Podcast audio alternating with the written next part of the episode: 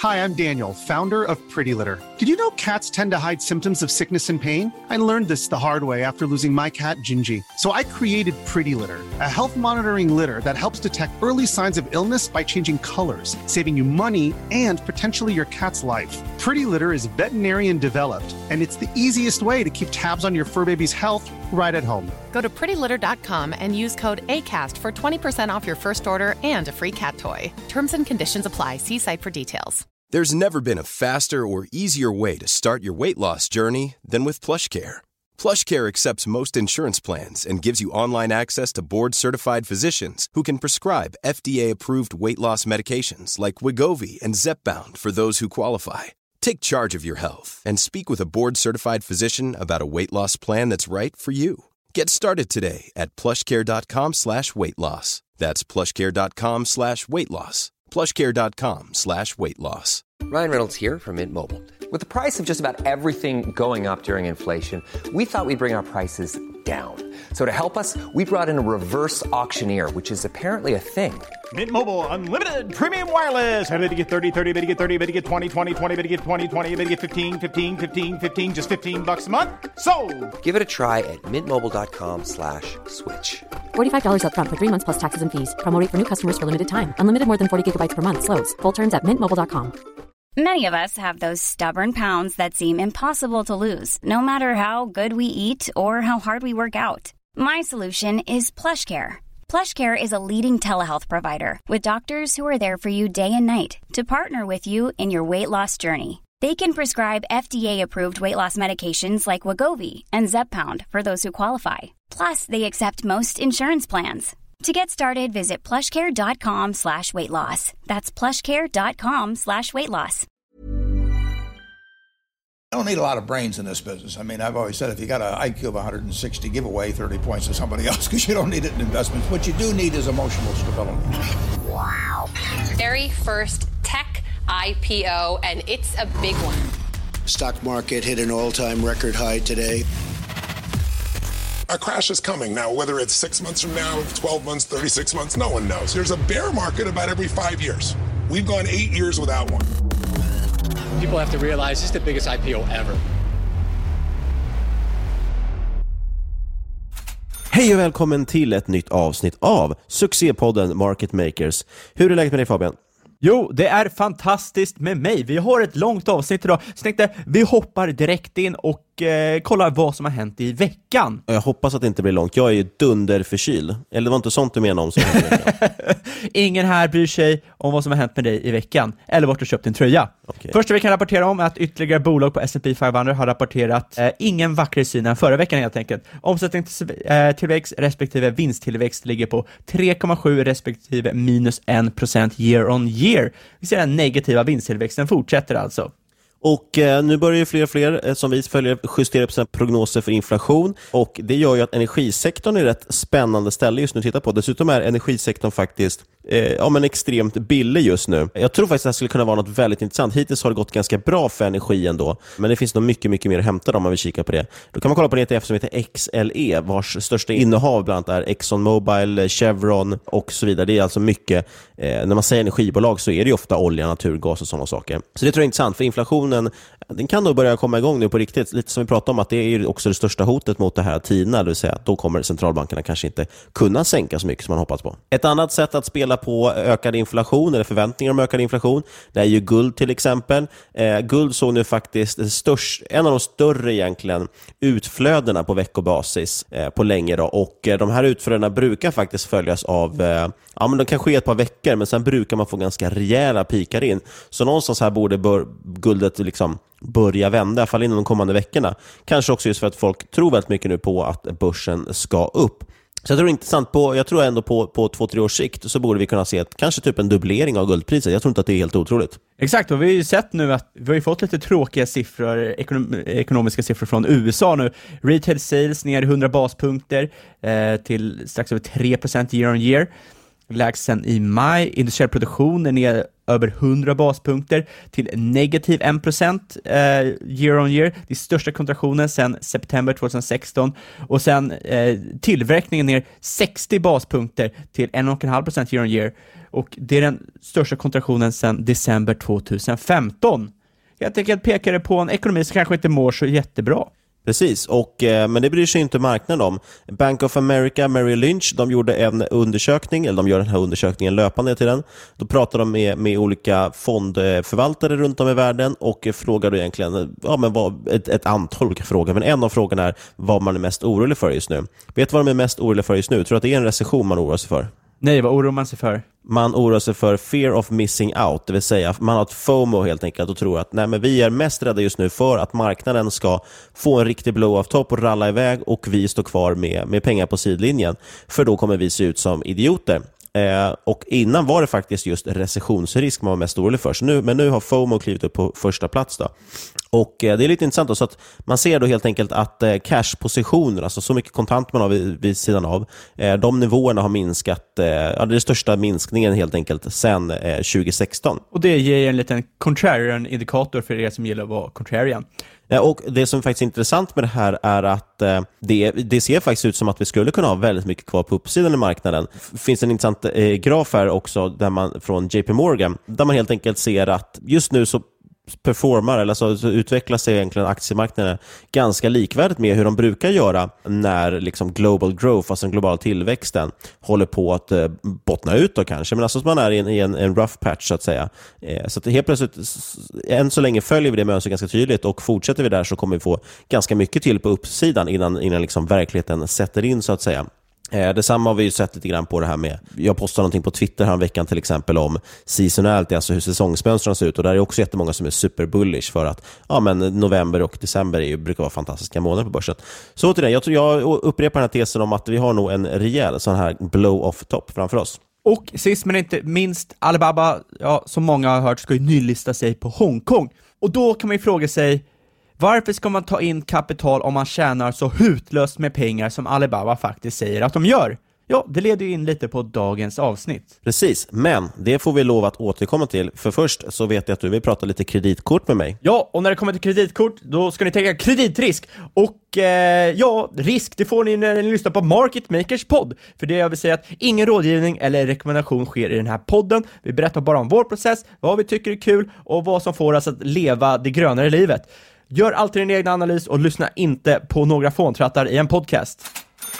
Ja, vi sa ju i förra avsnittet att vi ska prata om företag med moats, så då måste vi fan fortsätta med det här och inte stryka det efter första avsnittet. Jag tänkte idag vi ska snacka lite om Mastercard framförallt och gå in lite på Visa också eftersom de hör ju lite ihop. Vi sa ju faktiskt att vi inte skulle prata om dem förra avsnittet, men de har ju så extremt starka moats så att det gör ju att de blir otroligt intressanta bolag. Så du ska visa Mastercard? Klipp in så här uh, crickets. Ja. jo, exakt. Alla har ju hört talas om Mastercard. Eh, alla har ju troligtvis en Mastercard i plånboken. Om man inte har Mastercard så har man ju Visa. Antagligen har man kanske till och med båda två. Och det är väldigt intressanta bolag för att när man tänker på kreditkort och kort, då tänker man, ja ah, men fan, eh, folk handlar ju på kredit här. Det måste ju betyda att de här bolagen sitter på väldigt stora skulder. Men så är det inte, för de här bolagen lånar inte ut några pengar. Kikar du in deras kredit och bankkontokort, så står en bank bakom de här lånen. Eh, står ett annat företag som till exempel Apple på kortet, ja då har ju Apple ett partnerskap med en bank som står bakom lånen. Och det gör ju att eh, de har en extremt liten kreditrisk. Ja, det, för det man, precis, för det man brukar säga om Visa och Mastercard, det är ju någonstans att det är lite grann ska man säga, avloppen. Det låter inte lika fint på svenska. Men det är liksom infrastrukturen bakom betalningar. Det är de som hanterar det. Oavsett om de är Klarna eller Stripe eller vad det är för någonting. Eller Qliro för den delen. När du ska betala. Ja, det är fortfarande någon som måste processera betalningen och det är i slutändan kreditkortsutgivarna, eh, alltså Visa Mastercard. De står egentligen för betalsystemet. Eh, lite som eh, då handens, eh, vad ska man säga, blods, blodomlopp eller någonting. Exakt. Du måste eller avlopp då, men det låter inte lika trevligt. Du, måste utbyta information över ett nätverk. Och här står ju faktiskt nästan alltid Visa och Mastercard. Och det är extremt liksom, starkt nätverk och det är där moten ligger. Och framförallt så är det väldigt intressant att veta att de har den här 2%-avgiften, men Visa och Mastercard tar bara cirka en tjugondel av det här. Majoriteten går ju till banken, eftersom banken tar ju majoriteten av kreditrisken. Man tar ju nästan för givet hur gött det är med ett sånt här typ av kort. Tas emot nästan överallt och eh, det här är ju för att nästan alla har ett Mastercard eller Visa. Sen finns det några jobbiga jävlar som har American Express och som alltid måste fråga dig, ursäkta, tar ni Amex? Exakt, och Amex är ett typexempel på ett företag som inte har lika stark nätverkseffekt och lika stark mot som Visa och Mastercard. För anledningen varför alla tar Visa och Mastercard är för alla har Visa och Mastercard. Hade alla haft American Express eller velat ha det, så hade ju alla företag ändrat sig och tagit emot det också. Men man kan ju alltid fråga sig, hur stark är moten?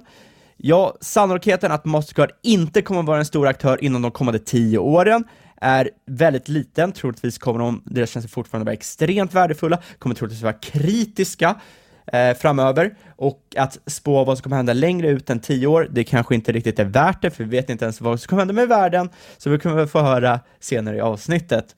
Nej, och, och dessutom ska ju tilläggas att det, är, det med e-handel eller vad folk kan handla med så är det inte ett hot mot de här aktörerna. Snarare tvärtom, och de gynnas framförallt av att vi går från kontanter, vi går från eh, checkar och så vidare. Vi går mer och mer mot kreditkort, oavsett hur man betalar med dem. Eh, och de här gynnas av det, oavsett om det är virtuella kort eller, eller fysiska kort. Exakt, alla länder kommer gå mer och mer att bli som Sverige, där, läm där man lämnar cashen bakom sig helt enkelt och hellre swipar med kortet. Det är mycket lättare. Har du någonsin varit någonstans där du tror du ska kunna betala med kort, typ någon restaurang i något u-land som i England till exempel, då vet du hur jäkla handikappad du känner dig när du helt plötsligt säger Oh, we don't take a card here. Och man tänker jävla hippies, hur kan du inte ta kort. Och jag vill bara tillägga också det här, även det här med mobilbetalningar som många börjar med, så att man blippar sin mobil istället. Det är fortfarande ett Visa eller Mastercard-kort som krävs för att kunna göra de här blipparbetalningarna. Så återigen, de, de finns överallt. Sen kikar jag väldigt kort på, på American Express och de ser faktiskt också ganska attraktiva ut. De växer ju enormt kraftigt de med. Eh, men som du säger, de har inte alls samma typ av moat, utan de lever på en, en, de har en liten annan affärsidé, skulle man kunna säga. Deras, deras eh, offering så att säga, till kunderna är annorlunda. Absolut, jag skulle inte ställa dem som samma typ av företag som Mastercard eller Visa. Eh, Mastercard framförallt, de har en top notch management Eh, börjat investera starkt i business-to-business-betalning som fortfarande har väldigt hög friktion. Du måste betala fakturor, det är manuellt och det är en långsam process. Hela ledet när du ska göra business-to-business-betalningar. Och Mastercard satsar helt enkelt väldigt eh, hårt på att ta en stor bit av kakan när det kommer till kredit och debitmarknaden för B2B. Eh, satsar även hårt i emerging markets, de är ledare i ny teknik och eh, nya system i de lokala marknaderna. Tar man Indien som exempel, endast 5% av butikerna tar kort, eh, trots att Indien är cirka fyra gånger så stort som USA, där nästan 100% av alla butiker tar kort. Eh, så det är en extremt intressant marknad, självklart eh, stor konkurrens, men eftersom Mastercard producerar långt högre, eller långt, mycket mer cash än vad de behöver för att organiskt kunna växa själva bolaget, så har de extremt mycket cash att kunna investera i andra marknader som kan utkonkurrera de flesta andra konkurrenter. Och framförallt visar, har det visat sig historiskt att Mastercard har varit extremt goda allokerare av kapital. Köper gärna tillbaka sina egna aktier vid attraktiva värderingar, betalar gärna utdelning och eh, de ökar bara sin skuldsättning när de verkligen behöver det. De är väldigt försiktiga med att öka sin skuldsättning. Ja, och det där med återköp tycker jag man ska hänga sig fast lite vid. Eh, både Mastercard och Visa, som sagt, det är väldigt attraktiva aktier generellt. Många gillar dem, det är typiska kvalitetsbolag. Känns lite, och det ska man egentligen dra öronen åt sig när folk säger, men det känns nästan som lågriskbett på något sätt. De bara växer, växer, växer och det finns egentligen ingenting på horisonten som ser ut att kunna vara negativt för bolagen. Eh, men något som jag vet att många hänger fast vid, ja, det är att de är ganska dyra. Det kan man tycka är rimligt eftersom det är premievärdering på den här typen av kvalitetsbolag. Eh, men de har också ganska låg direktavkastning bägge två. Bägge ligger väl runt en halv procent eller något. Men då får man faktiskt inte glömma bort att de har ju faktiskt då även återköp, gör de ju till viss del. Eller gör ju att det inte syns i siffrorna. Det är ett väldigt intressant bolag i den typen, eller den del av cykeln vi är nu, för att både Mastercard och Visa har relativt förutsägbar business, väldigt forecastable, du, det, liksom, det är en moat eller säkerhet i sig. Det är en väldigt okänslig business för konjunkturcykeln, du har stabila trender, det är linjär tillväxt eh, och det viktigaste nyckeltalet är global konsumtion, som även i recession inte tappar mer än några procent. Och eh, troligt är att det kommer fortsätta växa det kommande decenniet, vilket kommer gynna båda de här kortföretagen. Och det är som Niklas säger, det är inte billigt, men man måste betala för kvalitet. P på 42, direktavkastning 0,44. Eh, avkastning på totalkapital 26%, vinstmarginal på 42%, eh, nettoskuld på 4,3 och PEG på 2,7. Så ja, man betalar, men som Warren Buffett säger, ibland får man betala för kvalitet. Och jag vet att Mastercard och Visa, både jag och Niklas för flera år sedan när vi var yngre och Eh, smartare eller dummare, eller vad man nu är när man är yngre, tänkte, ah, men det här med Mastercard och Visa, det är ute, det är Alibaba eller något annat som kommer komma med sina payments eh, och ta över, kortindustrin är döende och så visade det sig att vi hade ju helt fel. Så nu har vi helt vänt på slanten där. Precis, och Visa ser ju liknande ut i värderingen, så till och med Visa är aningens aningen dyrare. Eh, men sen får man inte glömma heller, just jag sa ju att direktavkastningen är ganska låg, men samtidigt så har de ju höjt med, jag tror att det senast nu höjde man väl mellan 20-30% utdelningen, så även för en utdelningsinvesterare så är det ju på lite längre sikt, låt säga 5-10 års horisont, eh, så får man nog ganska bra avkastning på de pengarna. Känns på något sätt, jag hatar att säga det, men det, det, jag vet inte, det är extremt attraktiva bolag. Eh, jag äger ju själv Visa, jag vet inte varför jag inte äger Mastercard. Eh, jag borde köpa den också, jag kanske kommer göra det till och med. Eh, för att oftast känns det som att, och det brukar jag säga till andra också, att eh, är man bara intresserad av sektorn i sig, ja men köp bägge två, det spelar ingen roll, du kan lika gärna ha bägge, de känns väldigt likvärdiga. Håller du med om det? Absolut, dela upp dina bett på två, eh, ifall det ena går i konkurs. ifall någonting skulle hända. Väldigt otroligt. ja, men har du någonstans så är det så att är de två spelarna i alla fall som kommer att växa och de som kommer fortsätta äga marknaden. Så känns det i alla fall. Då är det lika bra att ha bägge, då har du ju hedgat dina bett i alla fall lite grann. Ja, du nämnde ju Alibaba där i alla fall. Eh, och Jag skulle vilja ta tillfället i akt, nu när, jag, nu när jag har det här på tråden och du lyssnar på mig, så tänkte jag skulle prata lite grann om Kina. Känner du till Kina? Nej, kan du ge liksom bakgrund till vad Kina är för något? Ja, men kort introduktion då. Det är ju ett, ett land Eh, och jag vill prata lite om Kina, för att eh, det pratas just nu mycket bland om Hongkong, det pratas om Alibaba, eh, och mer specifikt så skulle jag vilja prata om Kinas långsiktiga vision och eh, vilka risker det kan finnas eh, för oss i väst.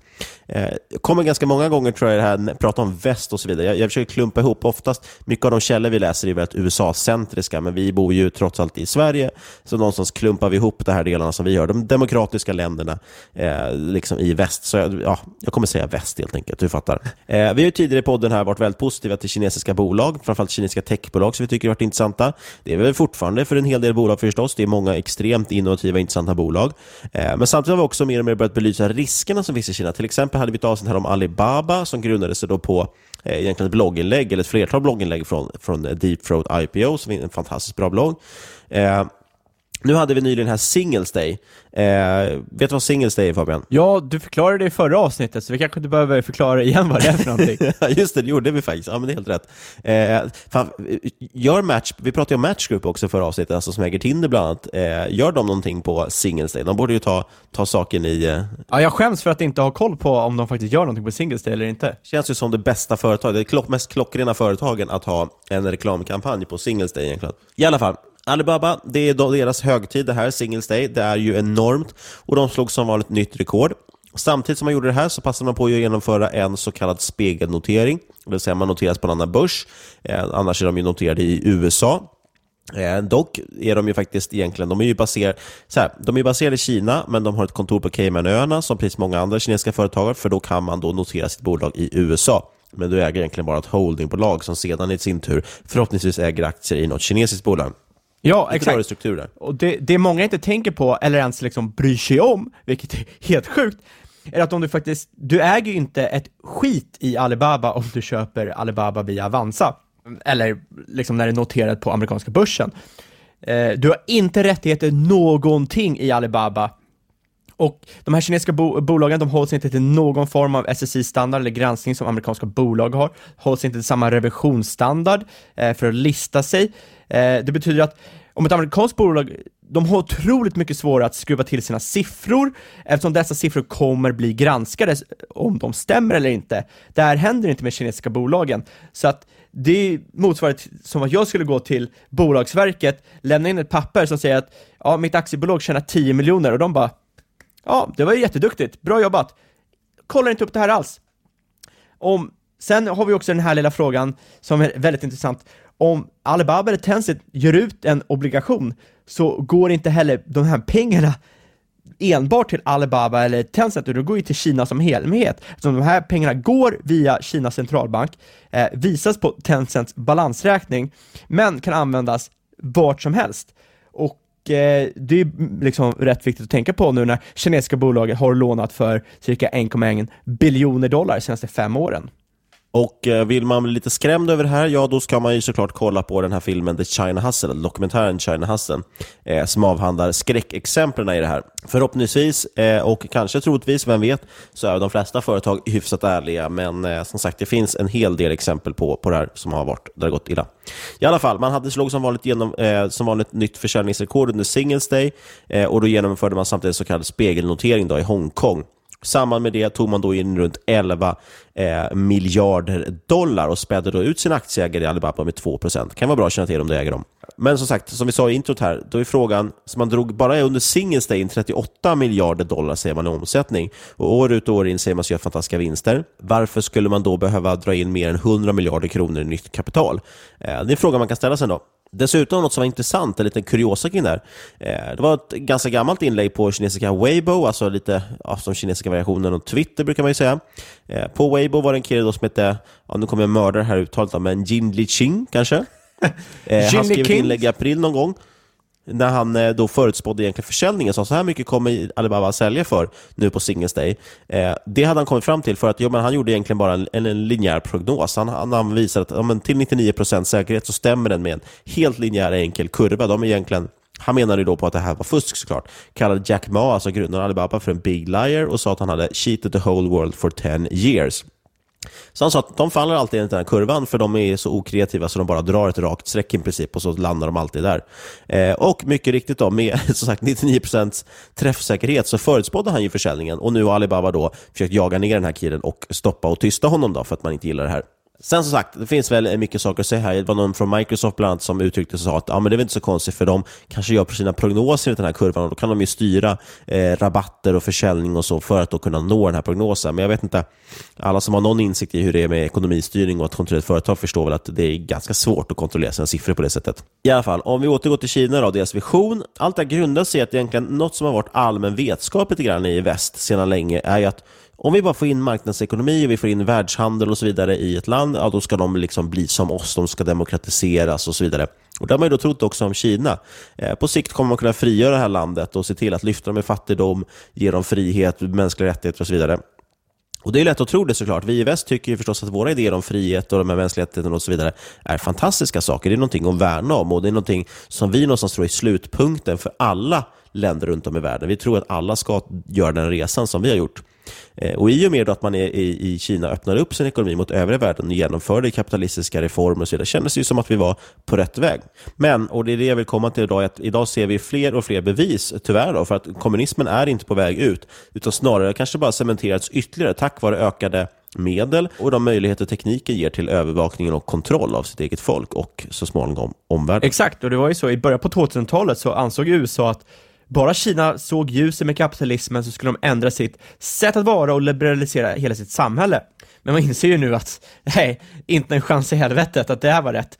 Eh, det var ju så pass fel att globalismens posterchild George Soros han har gått ut och sagt att “We gave them the benefit of the doubt and they blew it” 2018 och eh, så sent som två veckor sedan så sa han att Kina var västvärldens mortal enemy, alltså dödsfiende helt enkelt. Och eh, för att någon som är så liksom vänskaplig för öppen handel, globalism, att helt ändra och vilja liksom, att vi helt enkelt ska separera oss helt från Kina, det borde vara någon typ av signal här. Ja, och tillväxten i Kina har ju varit en av de mest liksom, signifikanta och större händel ekonomiska händelserna i alla fall i världshistorien.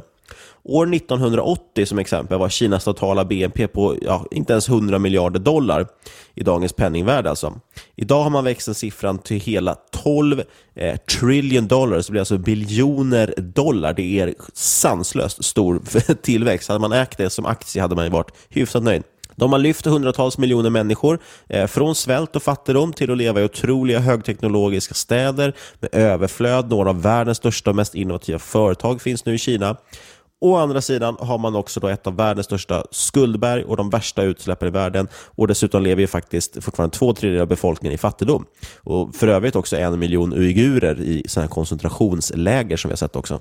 Ja, inte bara lever de i koncentrationsläger, utan det finns ju eh, massvis med rapportering om andra typer av, eller ytterligare human rights violations som förekommit. Enorma rapportering på det som kallas för organ harvesting, eh, organskördande bland Kinas minoriteter. Ja, och för de som inte riktigt tror på det här, vilket kanske inte är så konstigt, man kan tänka sig hur fan kan ett eh, moget land som Kina hålla på med sånt här? Så kan man ju bara kolla in hur det här med eh, organtransplantation fungerar i Kina jämfört med resten av världen. Vill du ha en njure till exempel i Kina så ringer du in och får en ny tid bokad eh, när du i stort sett kan komma och operera dig. Till exempel behöver jag en ny njure nu så kan jag ringa, de säger ja, kom om tre veckor får en ny njure. Och eh, det kan ju låta väldigt effektivt, väldigt bra fram tills man inser hur det funkar i resten av världen när du i stort sett skriver upp det på en lista och de ringer dig när det finns en njure available och då är det chop chop för då måste du få in den i kroppen. Och varför är det så här? Jo, det är för att det går inte att planera riktigt när en njure ska bli tillgänglig om det inte är så att du har ett... Det krävs att någon dör. Exakt, det krävs att någon dör. Så att det enda sättet att du kan planera in att eh, du kommer ha en njure liksom, tillgänglig är om du schemalägger att göra den här njuren tillgänglig. Vilket är väldigt skrämmande tanke. Ja, och eh, generellt, vi vet ju alla hur de behandlar oliktänkande och nu mer även de med dålig kreditvärdighet har vi sett. Det här med folk som får sin bild upptryckt helt plötsligt i, i tunnelbanan till exempel, där det står eh, såhär, “Do not make business with it, this individual” typ står det, och så är det en bild på dig själv och så blir det så här, “Shit, vad är det där för?” Ja, det visar att du har umgåtts med fel personer eller missat att betala någon räkning eller så och då helt plötsligt har du låg kreditvärdighet och folk ska inte umgås med det. Och det, det gör man då. Man gör helt enkelt exempel av de här personerna. Men när Kina i alla fall började släppa in spår av marknadsekonomi då växte den här bilden som sagt. Om vi bara hjälper dem på traven, då kommer landet så småningom reformeras inifrån. Eh, och dessutom, och det här är nyckeln, eh, så kan vi på vägen tjäna en hel del pengar. Så man, man tillgängliggjorde väldigt mycket medel, både liksom, ja, men i kapital men också i form av information och helt enkelt IP, alltså intellectual property som man gav ut och patent och så vidare. Visade dem så här kan ni göra och så här kan ni bygga saker. Så de fick tillgång till det för att de skulle kunna få vara med på den här resan. Då. Exakt. Eh, och det gjorde man ju utbyte mot att man vill ta en del av den här enorma potentiella marknaden. Exakt, och man ska inte glömma att västerländska företag som får göra affärer med Kina tjänar otroligt mycket pengar på det här och i gengäld är de ju de största lobbyisterna för Kina. Ja, och det är inte så konstigt heller, för vi tror ju att eh, ja, men alla företag jobbar på ungefär samma sätt och vi har ju liksom globala samarbeten, så varför skulle vi inte kunna dela med oss på det här sättet också? De kommer ju såklart värna om, om patent och sådana saker, men det har man inte riktigt gjort. I Hongkong då, om vi ska gå tillbaka dit, vi har just nu en till två miljoner människor som tagit till gatorna för att protestera. Eh, det ska ju också för att ställas mot att Hongkong totalt har runt sju miljoner människor, eller sju miljoner invånare, så det är en väldigt, väldigt stor andel av folket. Eh, det de protesterar i alla fall mot ett lagförslag, eh, men i grund och botten handlar det om att inte låta Kina kontrollera den här delen. Då. Och utöver det så ser vi också hur Kinas kontroll börjar sträcka sig ut från Kina in i till exempel ja, men NBA eller Hearthstone-turneringar, bara för att nämna några uppmärksammade exempel. Och Det som är intressant att notera men tycker jag, med de här exemplen, det är hur normalt Kina ser på det. Alltså, de tycker inte att det är något konstigt att man går in och säger nej men det där var inte okej att kritisera Kina. Nu måste den här personen stängas av från NBA och ni ska betala böter i princip. Eh, I våran värld så känns det ganska absurt att man kan göra på något sätt. Ja, det är bara att kolla hur de, eh, hur de hotade att eh, Sveriges regering, om de skulle ge pris till den här eh, eh, svensk-kinesen. Men precis, och, och de, de, ser ju inte egentligen någonting konstigt i det här. Det är så det liksom funkar där, så att de är helt vana vid det. Dessutom då, nu kommer vi in på de riktigt läskiga delarna. Michael Pillsbury har skrivit en bok som heter The 100 Year Marathon som är intressant och den handlar ju väldigt mycket om hur Kina är besatta av världskontroll och hur de på olika sätt skulle kunna kunna nå den här. Då. Han visar bland annat hur Kinas regering, de har tagit fram dokumenten och beskriver ganska tydligt egentligen att man planerar att ta över rollen som världsmakt från USA år 2049, för det är då man firar 100-årsjubileum för Kinas kommunistiska revolution. Och jag tror nog att farligt, att ja, förhoppningsvis blir det inte så här, men det är ändå farligt att ignorera det här och, och vara naiv.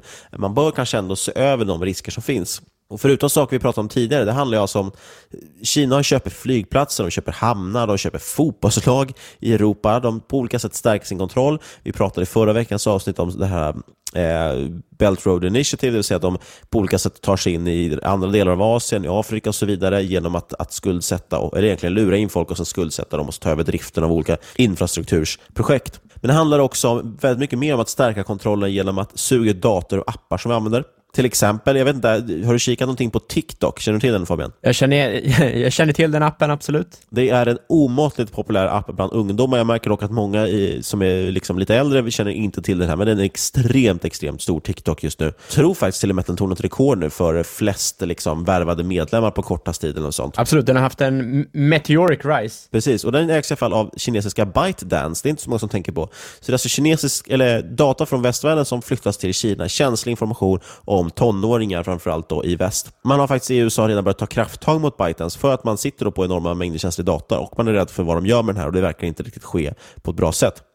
Det här är dock ingenting egentligen jämfört med vad Tencent har genomfört med sin WeChat som vi har pratat om många gånger i podden. Eh, den sprider sig som en löpeld, inte så mycket utanför, eh, eller det är framförallt kineser som använder det, men vi har ju mängder av kineser som, som flyr ut i världen, eller flyr ut i världen, som sprider sig runt om i världen, som flyttar runt och de tar med sig WeChat och vi har faktiskt redan nu bland fall i både Kanada och Australien där WeChat visar sig ha tydlig påverkan på, mal, på val med hjälp av bland annat desinformation. Då. Något man kan läsa om för övrigt i Bill Bishops fantastiska nyhetsbrev Cynocism. Som jag kan ja, de tar inte bara över data, de tar även över våra genom. Har du någonsin använt tjänster som till exempel MyHeritage, eh, 23andMe eller andra DNA-tester som, där du skickar in blodprov och de ska testa gör en gensekvensering helt enkelt för att eh, kolla liksom, vart det kommer ifrån. Så använder alla samma kinesiska bolag, BGI. Och eh, anledningen varför detta är, det är otroligt dyrt att göra en gensekvensering. Det kostar cirka 1400 dollar. Och eh, BGI gör detta för en spotstyber eftersom de är så kraftigt subventionerade av den kinesiska staten. Det är ju faktiskt så att Kina därmed har en genomsekvensering, eh, eller gensekvensering för alla som gentestats i USA vilket är otroligt skrämmande när man tänker på vad man kan göra med det här i form av till exempel biologisk vapenföring, om detta skulle bli aktuellt i framtiden. Kinesiska bolag investerar även allt mer i amerikanska läkemedel, investerar allt mer i biotechbolag och inte bara det, mycket av västvärldens läkemedel produceras helt i Kina. Eh, och då kan man ställa sig frågan, vad händer om eh, Kina helt enkelt säger nej till oss om de här läkemedlen? Vad skulle, säga, vad skulle hända om vi säger, men stoppa det där i Hongkong, gör inte sådär, eller gör inte sådär med uigurerna, eh, och de säger, okej, okay, men du vet de här eh, medicinerna som ni behöver för den sjukdomen och den sjukdomen och den sjukdomen, ni får inte dem längre. Vad ska vi göra då? Det här du nämner med gensekvensering också är otroligt intressant, för det är ett typexempel på vad man har sett många gånger, det vill säga helt plötsligt så tycker vi att oj, shit, nu var häftigt, nu kan vi göra gensekvensering för det har blivit så billigt för att förstå teknikens under. Och så visar det sig att nej, ja, visst, det har blivit väldigt mycket billigare, men det är inte så mycket billigare, utan det är någon annan som går in och subventionerar. Och då ska man verkligen dra öronen och fråga varför vill kinesiska regeringen ge bort det här billigare till oss? Precis som att vi bör ifrågasätta såklart alltid det här med, som alla pratar om, Google och Facebook och så vidare. Varför är deras produkt gratis? Jo, de tar ju någonting av dig. Eh, man gör helt enkelt utbyte mot att någonting annat. There's no such thing as a free lunch. Eh, det här är faktiskt, ja, jag vet inte, man kan drömma mardrömmar om det här. Alltså. Eh, i alla fall, i den här boken då, eh, så frågar man sig egentligen hur skulle det gå till att Kina tog över? Eh, I dagsläget, ja, vi vet för sig inte riktigt idag, men tidigare har USA ändå varit den tydliga militära supermakten. Eh, de har stått liksom, let längre fram än alla andra. Men sakta men säkert, som sagt, det har kommit in enorma mängder kapital i Kina eh, och mycket av det här återinvesteras då såklart i militären. Och de är ju minst sagt väldigt många fler än oss. Nu har man dessutom släppt på sin one child policy, vilket betyder att de kommer växa exponentiellt. Så det finns helt enkelt en mängd pusselbitar som faktiskt gör en lite oroliga. Förutom det militära förstås, eh, så är det också så att det finns väldigt mycket annat man kan jobba med. Bland annat finansiellt har vi en mängd olika saker. Eh, bara en sån sak som att de äger mer än en biljon av amerikanska statsobligationer. Det har vi pratat om tidigare. Vad skulle hända om de helt plötsligt dumpar ut dem på marknaden? Jo, man kanske skulle kunna sänka dollarn totalt. då. Just nu är man väldigt beroende av den, men de kanske skulle kunna tänka sig och leva med det för att kunna ta över makten. Och för att återkoppla till det här med, med tekniken då. Man har faktiskt mer än en miljon kineser idag som jobbar med censur på internet. För att inte tala om hur många ingenjörer som sitter på kunskaper för att kunna på olika sätt infiltrera väst. Antingen företag, infrastruktur eller varför inte gå på alla de som uttrycker kritiska åsikter om Kina och på olika sätt trakassera de här online. då. Det är i alla fall en, en otroligt komplex situation. Vi menar inte att försöka vara ensidiga. Det blir alltid så när man ska liksom, torgföra någonting, i en podcast eller skriva någonting och försöka få röd tråd. Det blir ofta lite ensidigt. Så vi menar såklart inte att, att eh, alltså vi tror båda på frihandel, precis som George Soros för den delen. och vi vill såklart inte att de ska specialbehandlas. Men man måste ändå ställa sig frågan, eh, om vi kanske har varit lite naiva när det gäller Kina. Eh, och lösningen på det här problemet är nog inte heller handelstullar så som Trump har börjat med. Eh, det drabbar ju snarare amerikanska konsumenter som faktiskt är de som får betala tullarna. Istället måste man kanske hitta då specifika företag som utgör risker, till exempel de här ByteDance eller Tencent eller vad det kan vara för någonting. Absolut, och så får man ju tänka sig också ja, ingen specialbehandling, men här har vi ett land som agerar på helt andra spelregler än vad resten av världen gör. Då är det ändå inte någon typ av frihandel där. Ja men, ja, men precis, för att, som du säger, det, det, de konkurrerar ju inte på samma typ av marknad. Det här med gensekvensering som, som jag nämnde var ju ett exempel på det, men det finns ju mängder exempel på det när kinesiska företag kommer in och kan lägga sig mycket lägre pris och då kanske de vinner vissa upphandlingar där man kanske ändå borde dra något och fundera på, okej, vänta, finns en säkerhetsrisk att samarbeta med det här företaget? Så det borde ändå finnas med i kalkylen. John Molin tycker jag uttrycker det ganska väl. Han säger att det vi ska oroa, för, oroa oss för är inte att vi importerar t-shirts och skor och sådana saker, eh, utan snarare ska vi skydda framförallt egentligen våra framsteg inom AI, kvantdatorer, autonoma drönare och sådana saker. Precis den typen av saker som skulle kunna ge oss mardrömmar om det hamnade i fel händer egentligen. Ja, och det man framförallt kan oroa sig för det är att just det här med att oliktänkande liksom ska eh, tystas. Det kan ju handla om bloggar, det kan handla om poddar. Och nu tror jag de här Fabian, de kommer nu. Vänta, va? Nej, nej. Niklas, Niklas!